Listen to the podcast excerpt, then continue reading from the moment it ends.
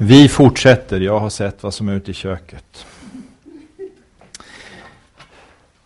Kan inte hålla på hela kvällen. Eh, så här långt har vi alltså bara sett då att Gud har en plan. De här två ska bli ett, de ska bli en ny människa, förenade och försonade. Och det gör ju att enligt Guds plan så är det omöjligt att förespråka det som man inom teologin kallar för ersättningsteologi.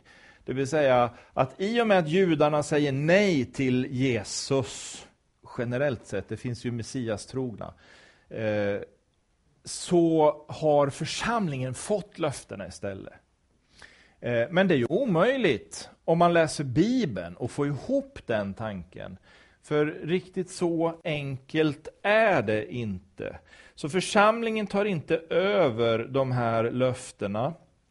Och den här rörelsen ser vi också i detta. Från att Jafet bor i Sems tält så för Gud det ytterligare ett steg fram när han säger att Rut klamrar fast vid Nomi. Det vill säga ju, ju längre utvecklingen går desto mer förenade blir de med varandra. Och jag antydde, tror jag, förut att det här klamra fast betyder att de blir ett kött. Och Det är exakt samma hebreiska ord som används där som i Första Mosebok 2 där Gud talar om äktenskapet mellan man och kvinna. Att de ska bli ett kött. Och det är samma tanke kring eh, Rut och Nomi. Eh, så vi måste förstå att relationen mellan förbundsfolk och församling är en del av Guds skapelseordning. Vi talar teologiskt om att äktenskapet är en del av skapelseordningen. Det är liksom ganska naturligt i kyrkan att tala om det. Men vi måste förstå på samma sätt att det här, den här föreningen mellan församling och förbundsfolk är också en del av skapelseordningen. En grundprincip i hela tillvaron. Och på den basen Vad gjorde jag nu? Ja just det, den kom ju mitt emellan. Eh, den skulle ni ha tittat på när vi sjöng, tänkte jag.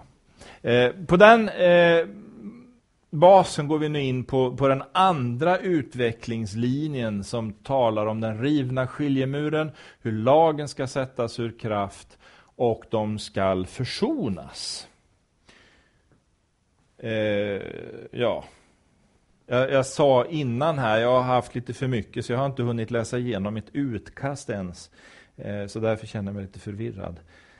Eh, vad det andra ledet, nu vart det så mörkt här så ni ser inte den övre raden kanske, men vad den andra linjen här gör är att den talar om förutsättningen för att Gud ska kunna förena församling och förbundsfolk.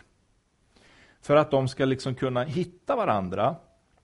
Dels vad gäller väggen mellan hedningarnas och judarnas förgårdar i templet, men också att förlåten i templet rämnar när Jesus dör. Det finns alltså två skiljemurar i templet som vi får ha i bakhuvudet. Och det var där jag började, om du kommer ihåg vad jag sa i början. Eh, om det här att skilsmässan i syndafallet var ju först mellan människa och Gud. Den skiljemuren är förlåten i templet, den rämnar med Jesus. Och sen splittrades det ju mellan människor. Och då har vi i templet skiljemuren mellan hedningarnas och judarnas förgård. Och nu säger Paulus att den skiljemuren ska Jesus, eller har Jesus raserat. Den har han tagit bort. Och då kommer vi in i den djupaste kärnan av försoningens hemlighet. Och bara för att visa nu hur Bibeln hänger ihop. Det var ett huvudsyfte med varför jag skrev boken om Noa och hans söner eh, i Guds frälsningsplan. Det var för att visa att allt hör ihop i Bibeln. Man kan inte ta bort saker, man kan inte lägga till saker, utan allt, varenda bokstav, varenda komma, varenda tecken, allting hör ihop. Eh, och, och det kan vi se i det här nu. Och Det var ju den här återlösaren som jag talade om. Och vi läser om honom i Rut 3 och 12. Den första återlösaren då eh, Eh, säger att det är sant att jag är din återlösare, men det finns en annan som står dig närmare än jag. Det är alltså Boas som säger det här. Och så läser vi i fjärde kapitlet att Boas säger, när du köper marken av Nomi, då köper du den också av den moabitiska kvinnan Rut, den dödes hustru, för att uppväcka den dödes namn över hans arvslott. Återlösaren svarade, då kan jag inte lösa in den, för då skulle jag skada min egen arvslott. Och Det här är alltså lagen som jag talade om förut. Lagens problem är att den kan inte ge liv. Han kommer först, men han kan inte ge liv. Därför måste han också avstå. Och där kommer Boas Kristus in i bilden som ger liv. Bilden alltså för Jesus. Och nu talar Paulus om att Jesus har tagit bort fiendskapen som yttrar sig i lagen med dess bud och stadgar. För så stod det i Fesebrevet 2. I den första utvecklingslinjen, eh, eller den andra utvecklingslinjens andra led. Och nu går vi till Romarbrevet 4 för att ytterligare gräva eh, vidare. Där säger Paulus om lagen att den har fått sin ände i Kristus till rättfärdighet för var och en som tror. Och du som kan Romarbrevet utan och innan, du vet att Paulus i tredje kapitlet har sagt att genom lagen ges insikt om synd.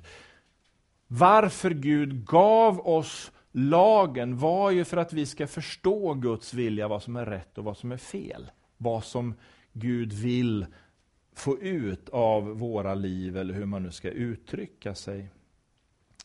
Eh, och det är lite av det som han också börjar andra kapitlet i Fesebrevet med, när han talar om synden och syndens verklighet. Det är lagen som uppenbarar det för oss. Den som inte förstår lagen förstår ju inte synden, det vill säga gå ut och prata med en som inte har mött Jesus och blivit född på nytt. De förstår ju inte att lagen är god. För lagen har ju vi som har fötts på nytt, eh, vi inser att lagen lär oss att ja, men det där är ju fel, det är inte alls Guds vilja.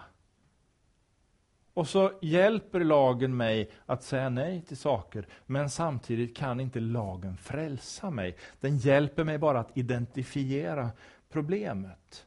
Och så kommer han nu till Romarbrevet 10 och 4 och då säger han att lagen har fått sin ände i Kristus. Och jag blir så lycklig när jag läser det. Och jag blir så fascinerad eh, när jag liksom får tränga in i vad det här verkligen betyder. För det här är egentligen bara halva sanningen. Eh, ordet tellos, ände eller slut. Ordet tellos i grekiskan betyder nämligen i bokstavlig mening att något är fört till sin fullkomning. En process som har nått sitt slut. Eller eh, slutet på en period är det inte heller liksom att nu har lagen gjort sitt. För Jesus säger ju i Matteus 5 och 17 att han har kommit för att fullborda lagen, inte för att upphäva lagen. Så därför ska man inte förstå att lagen har fått sin ände i Kristus, att nu är det punkt, nu gäller inte det, nu kan vi lämna det. Det finns fortfarande kvar. Utan lagen har fått sin fullkomning i honom och fullborda lagen som Jesus säger. Det står ett annat ord i grundtexten där, men det säger han också, det betyder bokstavligt också då att göra någonting fullkomligt. Där har lagen nått sitt syfte, kan man säga. Jag kan inte leva efter lagen, för jag är ofullkomlig.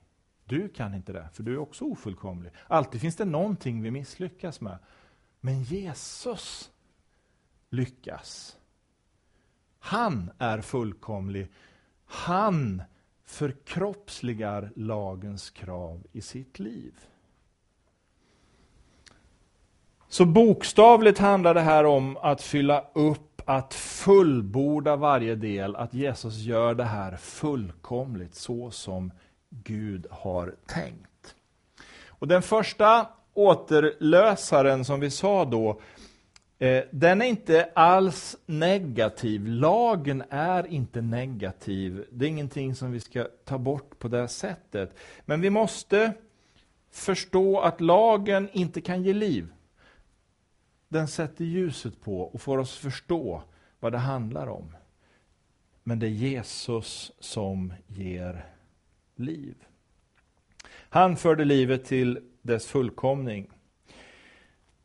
Och det Jesus gör handlar om, som jag då sa med skiljemuren, det handlar dels om en försoning mellan oss människor och Gud, men det handlar också om en försoning mellan människor. För syndafallet betydde ju dels att människan och Gud fick en förstörd relation, men också genom Kain och Abel förstår vi att människor emellan fick en förstörd relation. Så vad Jesus gör är ju att han försonar och förenar detta. Vi är nu enade i Jesus. Vi är inte längre två människor, vi är en människa. Vi är inte jude, grek, slav eller fri som det står i Galaterbrevet. Vi är ett i Kristus. Enade och försonade med varandra såväl som med Gud. Efesierbrevet 2 16 och 17. Nu har han kommit och förkunnat det glada budskapet om frid för er som var fjärran och frid för dem som var nära. Ty genom honom har vi båda i en och samma ande tillträde till Fadern. Nej, jag missade ett, ett led där. Ni får leva med det. Eh, han skulle förena dem båda i en och samma kropp, står det i, i 16 versen. Och så försona dem med Gud på korset. Så dödade han i sin person fiendskapen. Och nu har han kommit och förkunnat det glada budskapet om frid för er som var fjärran och frid för dem som var nära. Ty genom honom har vi båda i en och samma ande tillträde till Fadern. Nu hoppas jag att du läser noga och bokstavligt och analyserar vad han skriver. För här kan man hitta viktiga saker bakom orden. Han har ju talat om att i de båda göra en kropp, eller hur? Visst sa han så? Försona de båda, en kropp. Men i den artonde versen, genom honom har vi båda i en och samma ande tillträde till Fadern. För Paulus är i tanken fortfarande församling och förbundsfolk två enheter. Även om de är en kropp så är de fortfarande två. Och det är ganska intressant och det där apostlamötet som jag nämnde om förut bland annat kan komma in. Vi måste förstå det här att det finns en skillnad mellan Sem och Jafet, mellan Rut och Nomi, mellan församling och förbundsfolk. Vi bor tillsammans i samma hus. Vi har förenats i Jesus. Vi är på ett sätt andligt en kropp, men fortfarande är vi delade. Och I Apostlamötet, Apostlagärningarna 15, så ser vi ju att det här fungerar i praktiken. För där diskuterar man det som vi började med, att det är strid. Judaisterna följer efter Paulus och försöker att bråka med de som kommer till tro på Jesus. Och få dem att anamma lagen.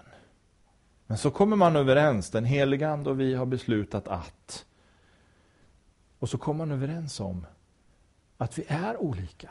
Och Det betyder Att vi trots enheten så kan inte vi som hedningar, och det finns ju en rörelse idag, eh, där man säger att när vi kommer till tro ska vi bli som judarna, vi ska gå in under lagen, vi ska fira judiska högtider och, och allt sånt här. Det finns ju en messiansk rörelse bland kristna i Sverige, som är en villolära.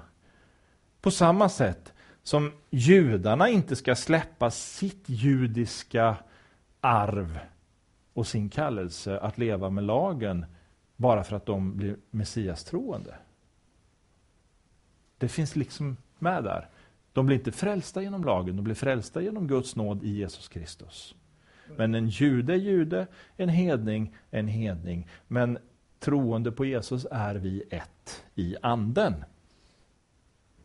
Det är det Paulus talar om. Ja, vi är hedna kristna. Om, ja, vi, all, alla icke-judar är egentligen hedningar, men i biblisk mening så låt oss kalla oss för hedna kristna. Ja. Så du har rätt, och jag har rätt. eh, och det är någonting som församlingen gläds åt i, i Jerusalem då, eh, att man inte gör skillnad på det här. Och så går vi vidare mot slutet, eh, Efesierbrevet 2.19. Alltså är ni inte längre främlingar som saknar hemortsrätt. Ni har fått medborgarskap med de heliga och är Guds husfolk, uppbyggda på apostlarnas och profeternas grundval, där hörnstenen är Kristus Jesus själv.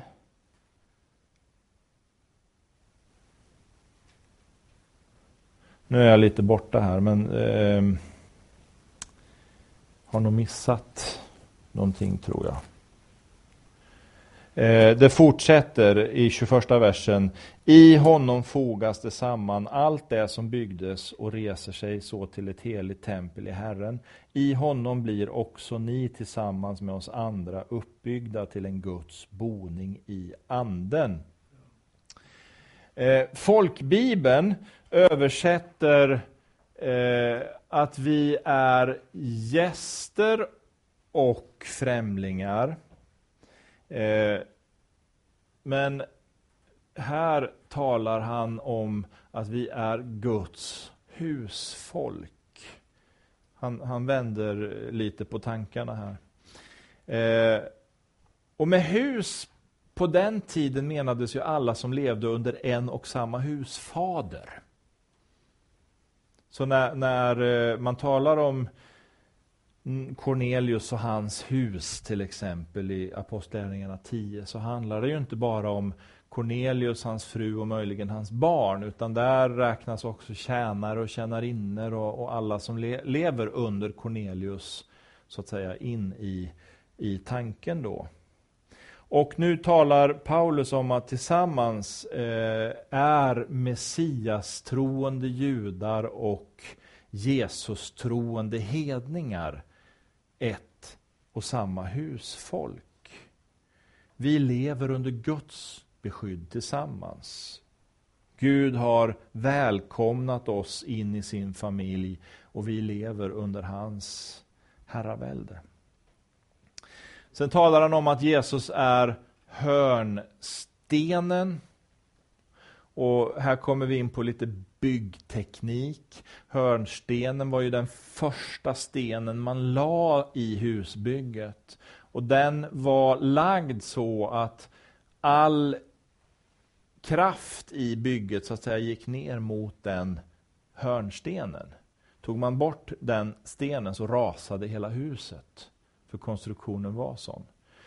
Men också att när man hade lagt den första hörnstenen så var det också den som gav riktningen åt de olika väggarna och allt som skulle byggas. Liksom man, man måttade alltid mot hörnstenen. Så den ger både inriktning men den bär också upp allt. Någon har översatt hörnsten med slutsten. Det är inte riktigt korrekt mot grundtexten, men eh, slutstenen var ju den sista stenen i valvet som man byggde. Den som liksom kilar fast allt. Tog du bort slutstenen, då rasade också allt. Så det är lite samma tanke, men det är hörnsten han talar om här. Så vi behöver förstå då hur viktigt det är att se att Bibeln talar om att Jesus är den grund som allt vilar på. Och det är han som ger oss riktningen för våra liv. Här försöker ju själva fienden få oss att plocka in lite andra saker. Och lyfta upp åtminstone lite till samma nivå.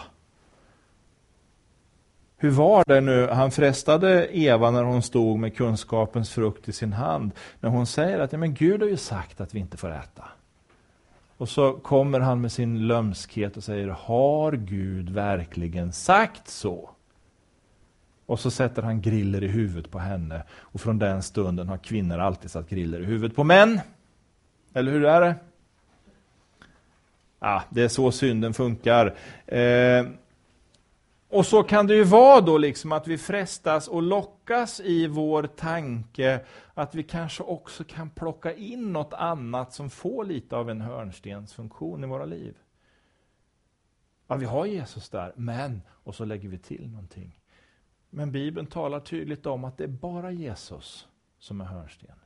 Det är bara han som ger riktning för oss i våra liv. Det finns inget annat som kan vara Herre i våra liv än han. Och sen talar han om apostlarna och profeterna. Och det som är grejen med apostlarna och profeterna i det här är att de just stod stadigt på Jesus som hörnsten. Det är värdefullt.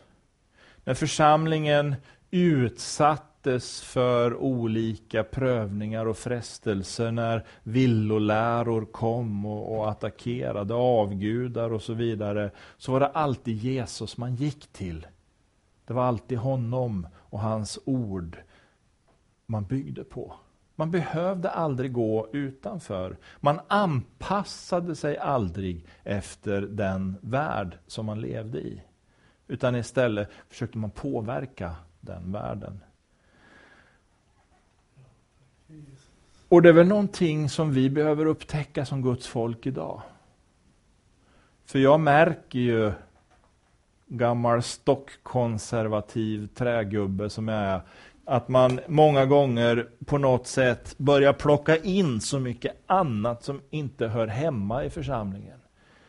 Börjar bygga nya teologier och nya läror som inte alls har någon grund i Bibeln. Så får vi gå tillbaka till apostlarna och profeterna och lära oss och se hur de levde, hur de gjorde. De gamla stigarna som du talar om Lennart. Vi måste hitta tillbaka till skriften, till Bibelns förkunnelse och för, påminna oss om att det var grundvalen för apostlarna och profeterna. Jesus var hörnstenen, hans ord var dess grundval. Petrus, en av apostlarna, han talar ju om det här i sitt andra brev. Du har säkert suttit och tänkt på det eh, bibelstället i, i första Petrus 2. Där talar han ju om att vi är levande stenar i ett andligt husbygge. Där vi som hans lärjungar också infogas i huset, men det finns en hörnsten som också vi vilar på, nämligen Jesus Kristus. Han är församlingens grund. Och då blir vi uppbyggda till en Guds boning. Det är inte fråga om att vi själsligt eller känslomässigt ska växa till som lärjungar i första hand, utan det handlar om att vi som många delar, lemmar i en och samma kropp, växer till och blir fler. Och så till sist så påminner vi oss om uttrycket i honom. Det kom två gånger här tror jag. Eh, ja, vart det nu var. Eh, och det här som jag sagt då återkommer han till gång på gång. Och eh, om jag räknade rätt så, så sista i honom i andra kapitlet är tolfte gången som man säger i honom i de två första kapitlen. Ni kan få gå hem och räkna sen.